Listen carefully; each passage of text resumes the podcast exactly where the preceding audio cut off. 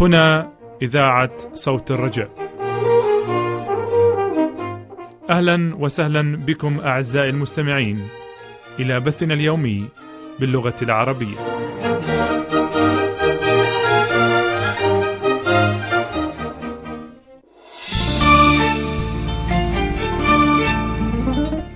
منير سلام ونور كمال يرحبان بكم أعزائي المستمعين. من وراء ميكروفونات صوت الرجاء. وسنرافقكم خلال برنامج اليوم. متمنين لكم معنا أسعد الأوقات وأمتعها. سيتضمن برنامجنا لهذا اليوم فكرة اليوم وهي فكرة للتأمل والتفكير. ومن ثم نستمع إلى عالم الصحة معلومات صحية لحياة أفضل وغد مشرق. وننهي برنامجنا لهذا اليوم بومضات منيرة أفكار منيرة ومتنوعة. فكونوا معنا.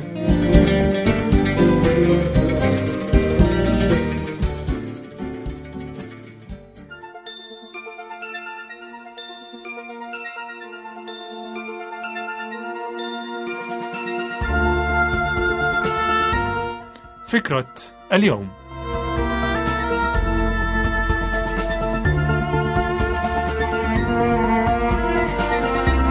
نفس العمل ولكن بطريقة جديدة.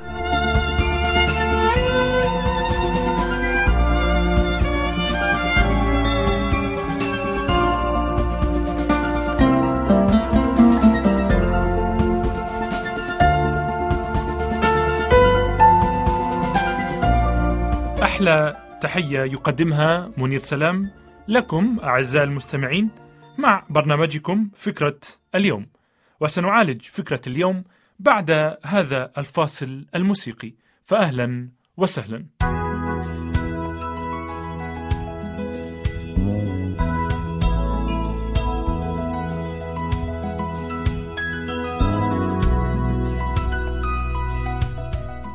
أجرت مؤسسة تعنى بالعائلة والعمل.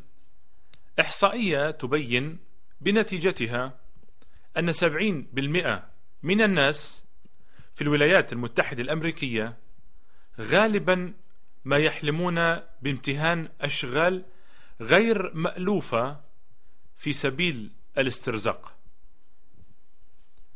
وهناك وكالات توظيف تعرض على الناس تحقيق أحلامهم المختصة للعمل. ولكن هل يشكل العثور على مهنة جديدة دائما الحل لعدم الرضا من جهة العمل؟ أم هل يعقل أن يكون المفتاح هو الاهتداء إلى طريقة جديدة في النظر إلى وضعنا الحالي؟ فمرتين في رسالة كولوسي والإصحاح الثالث يكرر الرسول بولس العبارة وكل ما عملتم إذ يقول وكل ما عملتم بقول أو فعل فاعملوا الكل باسم الرب يسوع شاكرين الله والآب به ثم يقول أيضا وكل ما فعلتم فاعملوا من القلب كما للرب ليس للناس. فإذا ما كنت تعمل لدى مدير عياب غير شكور فغالبا ما تميل لأن لا تبذل جهدا عاليا لا بل أن تبذل أقل جهد عندك. ولكن إن قمت بعملك لأجل السيد المسيح فإنك تجتهد لكي تبذل أفضل ما عندك كل حين. فمع أن المدير يوقع على صرف معاشك فإن الرب يصدر مكافأتك. ليس من الخطأ أن تطلب عملا يناسب قدرتك واهتماماتك. ولكن من العبث عزيزي المستمع أن تنتقل من عمل إلى آخر. بغير أن تحسم المسألة المتعلقة بمن تخدم.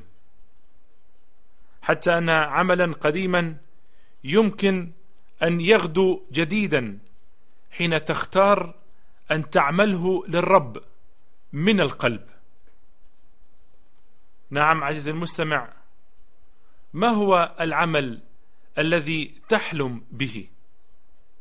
وكيف سيغير قيامك بالعمل كما للرب. كيف سيغير موقفك وعاداتك في العمل؟ دعنا عزيزي المستمع أن تعمل وأعمل العمل اليومي ليكتسب قيمة أبدية حين نؤديه للرب وليس للناس.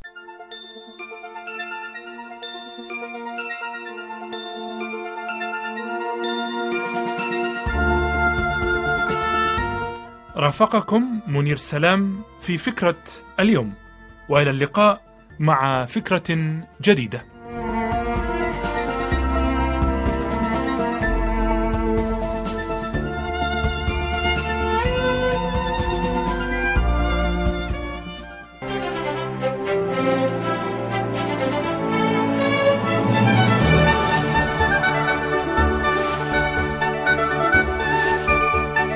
أنتم تستمعون لصوت الرجاء.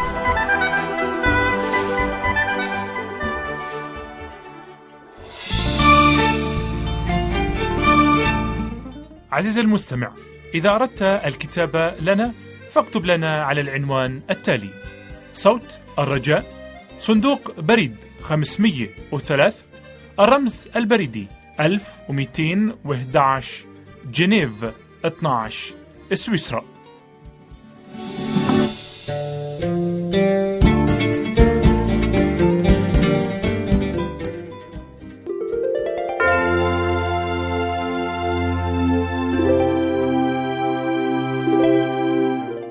عالم الصحة.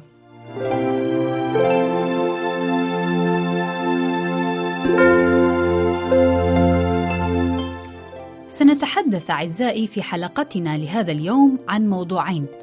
يتعلق الأول بعصير الفاكهة والأطفال أما الثاني فيتعلق بمضغ العلكة. فأهلا وسهلا بكم.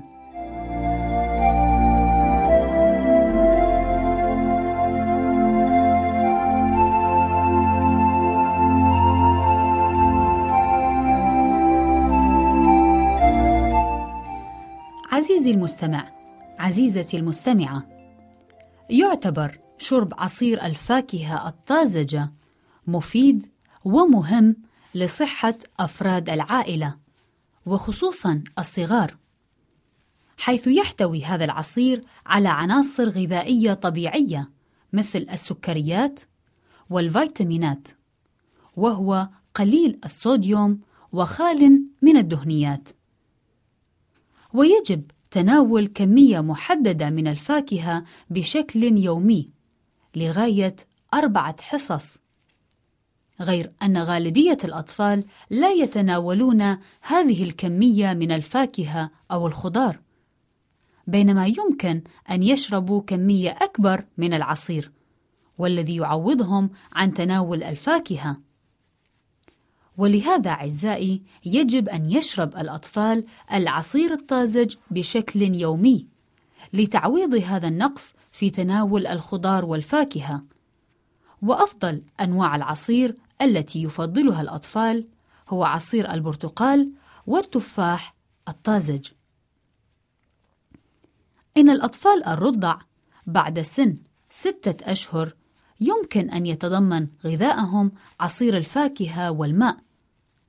أما بالنسبة للكمية فعلى الأهل استشارة الطبيب بخصوص ذلك. وبعد دراسات أعزائي تبين بأن عصير التفاح هو العصير الأنسب للرضع والأطفال، وذلك لأنه يمتاز بطعمه اللذيذ، ويعتبر ملينا للمعدة، ويقيهم من الإمساك. كما أنه يحتوي على وحدات حرارية أقل من غيره من العصائر مثل عصير الخوخ والعنب الأبيض وهو لا يسبب الحساسية التي يمكن أن يسببها عصير البرتقال. وحسب الدراسات فإنه لا يوجد علاقة بين عصير الفاكهة والسمنة لدى الأطفال الذين يشربون أكثر من الكمية المطلوبة.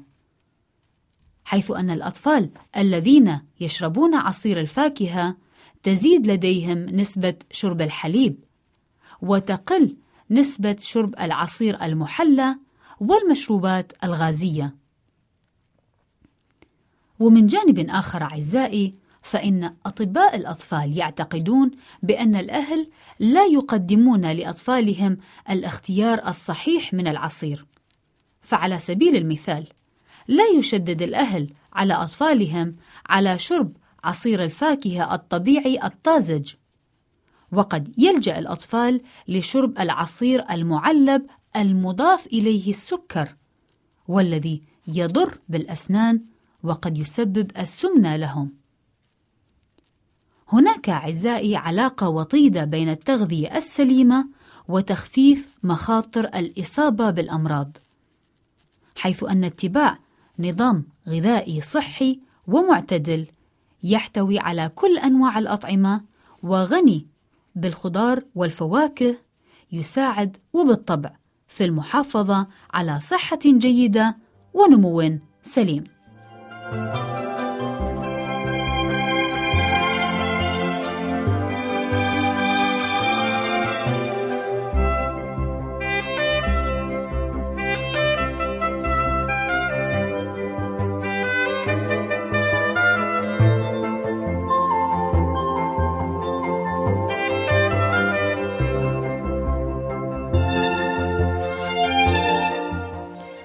لازلتم أعزائي في الاستماع إلى محدثتكم نور كمال. ولنأتي الآن إلى موضوع مضغ العلكة حيث يعتبر مضغ العلكة من أكثر العادات انتشاراً والتي تزيد من عادة التدخين الضار بالصحة والتي أصبحت جزءاً من الظواهر الاجتماعية في كل أنحاء العالم. لقد حذر الأطباء أعزائي من الآثار السلبية لمضغ العلكة المستمر على الفك. رغم الاعتقاد السائد لدى الجميع بأن لمضغ العلكة فوائد سواء للهضم أو لتعطير الفم أو تقوية عضلات الفك. حيث يتم استخدام عضلات ومفاصل الفك تلقائيا في الأكل والكلام وبلع الريق أكثر من 1500 مرة يومياً. ويتضمن ذلك بالطبع انقباض عضلات الفك حتى تنطبق الأسنان العلوية والسفلية على بعضها. فيما أثبتت الأبحاث أن قوة العضة الواحدة المتولدة من انطباق الأسنان تعادل تسعة كيلوغرامات من القوة. أما في حالة مضغ العلكة فإن كمية الضغط المتولدة من هذه العضلات تكون كبيرة لدرجة أنها تصيب الفك بالتضخم والإجهاد وعدم الراحة وبالشد العضلي حيث أن الأبحاث الحديثة أثبتت أن لدى عضلات الفك ذاكرة قوية للغاية. وذلك يعني أنه إذا تم التعود على مضغ العلكة لفترة طويلة فإن العضلات تستمر في الانقباض حتى من دون وجود العلكة مما يتسبب عنه الجز على الأسنان حتى من دون وجودها أي دون وجود العلكة. وبالتالي تنعدم فترة راحة العضلات والمفاصل الصدغية. وهناك عدة أعراض معروفة نتيجة الجز على الأسنان تتمثل في حدوث نوبات الصداع وآلام الرأس في أجزاء مختلفة وآلام في منطقة العنق والأكتاف بالناحية الخلفية للرقبة. ومن بين هذه الأعراض أيضا انقباض عضلات الفك وتضخمها، وحدوث طرقعة بالفك أثناء مضغ الطعام، وحدوث ضغط مستمر على الأذن، وتغير شكل الوجه نتيجة تضخم العضلات، مع تآكل الأسنان وتفتتها وإصابتها بموجات من حساسية الأسنان للشيء البارد أو الساخن. وكذلك تآكل العظام المثبتة لجذور الأسنان. غير أنه يوجد فائدة لمضغ العلكة أعزائي في بعض الأحيان كأن يوصف المضغ لعدة أيام في حالات علاج انسداد قناة أوستاكيوس بالأذن أو في حالات تقوية الفك عند الإصابة بالشلل الوجهي. فلكل شيء استخدامه الصحيح. أودعكم على أمل اللقاء بكم أعزائي في حلقة جديدة من برنامجكم هذا.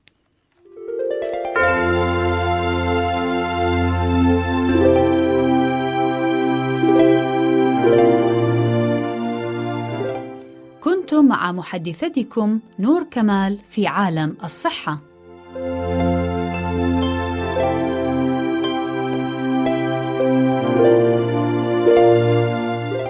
إذا كان لديك عزيزي المستمع عزيزتي المستمعة أي سؤال أو استفسار فأرجو الكتابة لي شخصياً على عنوان البرنامج الذي ستسمعونه في نهاية البث. وسأكون في غاية السرور للإجابة عليها.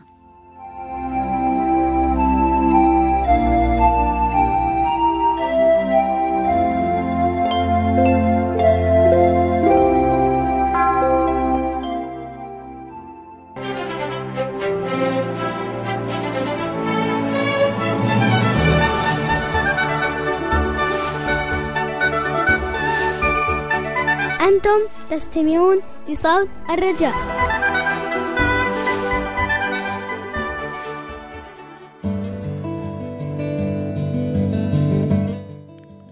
عزيزي المستمع سأكون سعيدا لاستلام مشاركاتك وأسئلتك ومشاركتها على الهواء في برنامج جديد سأقوم بإعداده.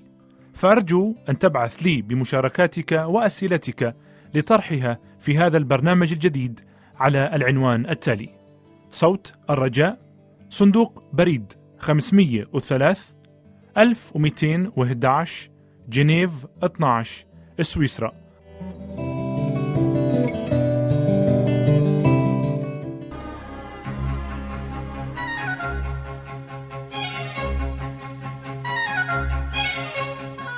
ومضات منيرة.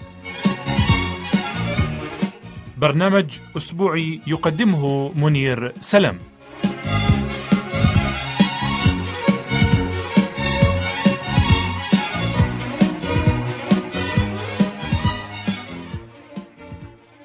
لنستمع معا أعزائي المستمعين إلى هذا المزمور الرائع المزمور الرابع والثلاثين لداود النبي.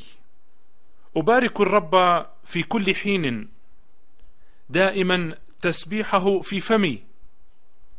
بالرب تفتخر نفسي. يسمع الودعاء فيفرحون. عظموا الرب معي ولنعلي اسمه معا. طلبت إلى الرب فاستجاب لي ومن كل مخاوفي أنقذني. نظروا إليه واستناروا ووجوههم لم تخجل. هذا المسكين صرخ والرب استمعه ومن كل ضيقاته خلصه. ملاك الرب حال حول خائفيه وينجيهم. ذوقوا وانظروا ما أطيب الرب. طوبى للرجل المتوكل عليه. اتقوا الرب يا قديسيه لأنه ليس عوز لمتقيه.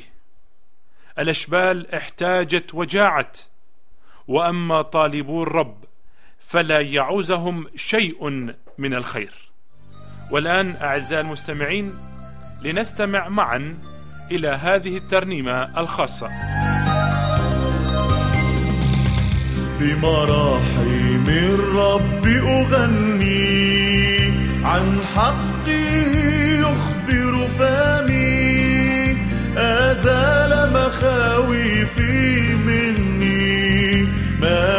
منحني سعادة أبدية. بمراحم الرب أغني عن حقه يخبر فمي. أزال مخاوفي مني. منحني سعادة أبدية. بجماله قلبي مفتون. ببهائه سحر العيون إنه نرجس شارون. سوسانة بالأودية بمراحم الرب أغني. عن حقه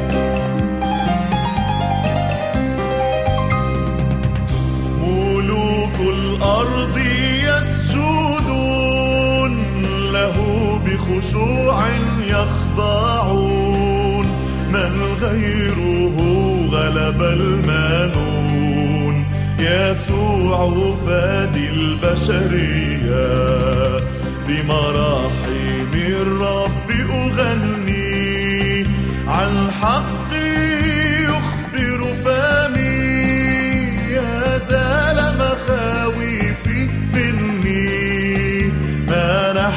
سعادة أبدية.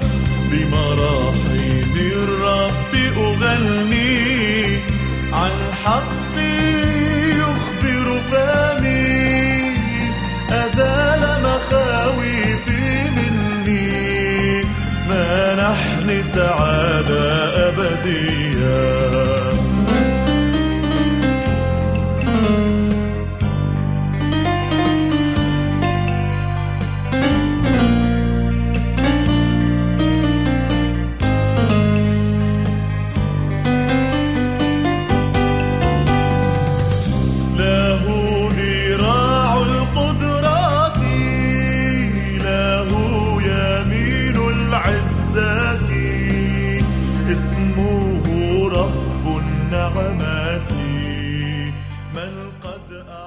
نعم عزيزي المستمع. ما أروعها من كلمات. هذه الكلمات التي نطق بها داود النبي. ذوقوا وانظروا ما أطيب الرب. طوبى للرجل المتوكل عليه. اتقوا الرب يا قديسيه لأنه ليس عوز لمتقيه. الأشبال احتاجت وجاعت وأما طالبو الرب فلا يعوزهم شيء من الخير. نعم عزيزي المستمع هذه كلمات رائعة تشعرك بالطمأنينة والفرح. بأن الله يعتني بك يعتني بكل احتياجاتك إن كانت نفسية عقلية روحية زمنية وقتية كل هذه الاحتياجات يتممها لك الله.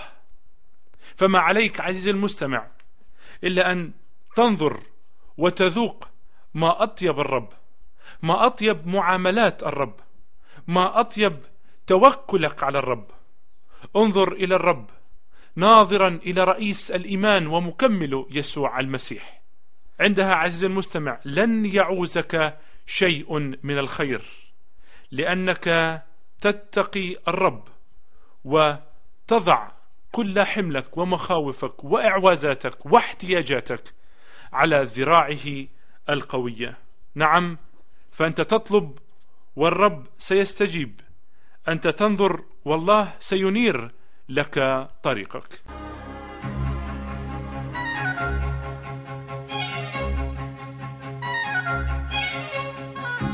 شكرا لمرافقتكم أعزائي المستمعين في حلقة اليوم من ومضات منيرة. وإلى اللقاء مع ومضات جديدة.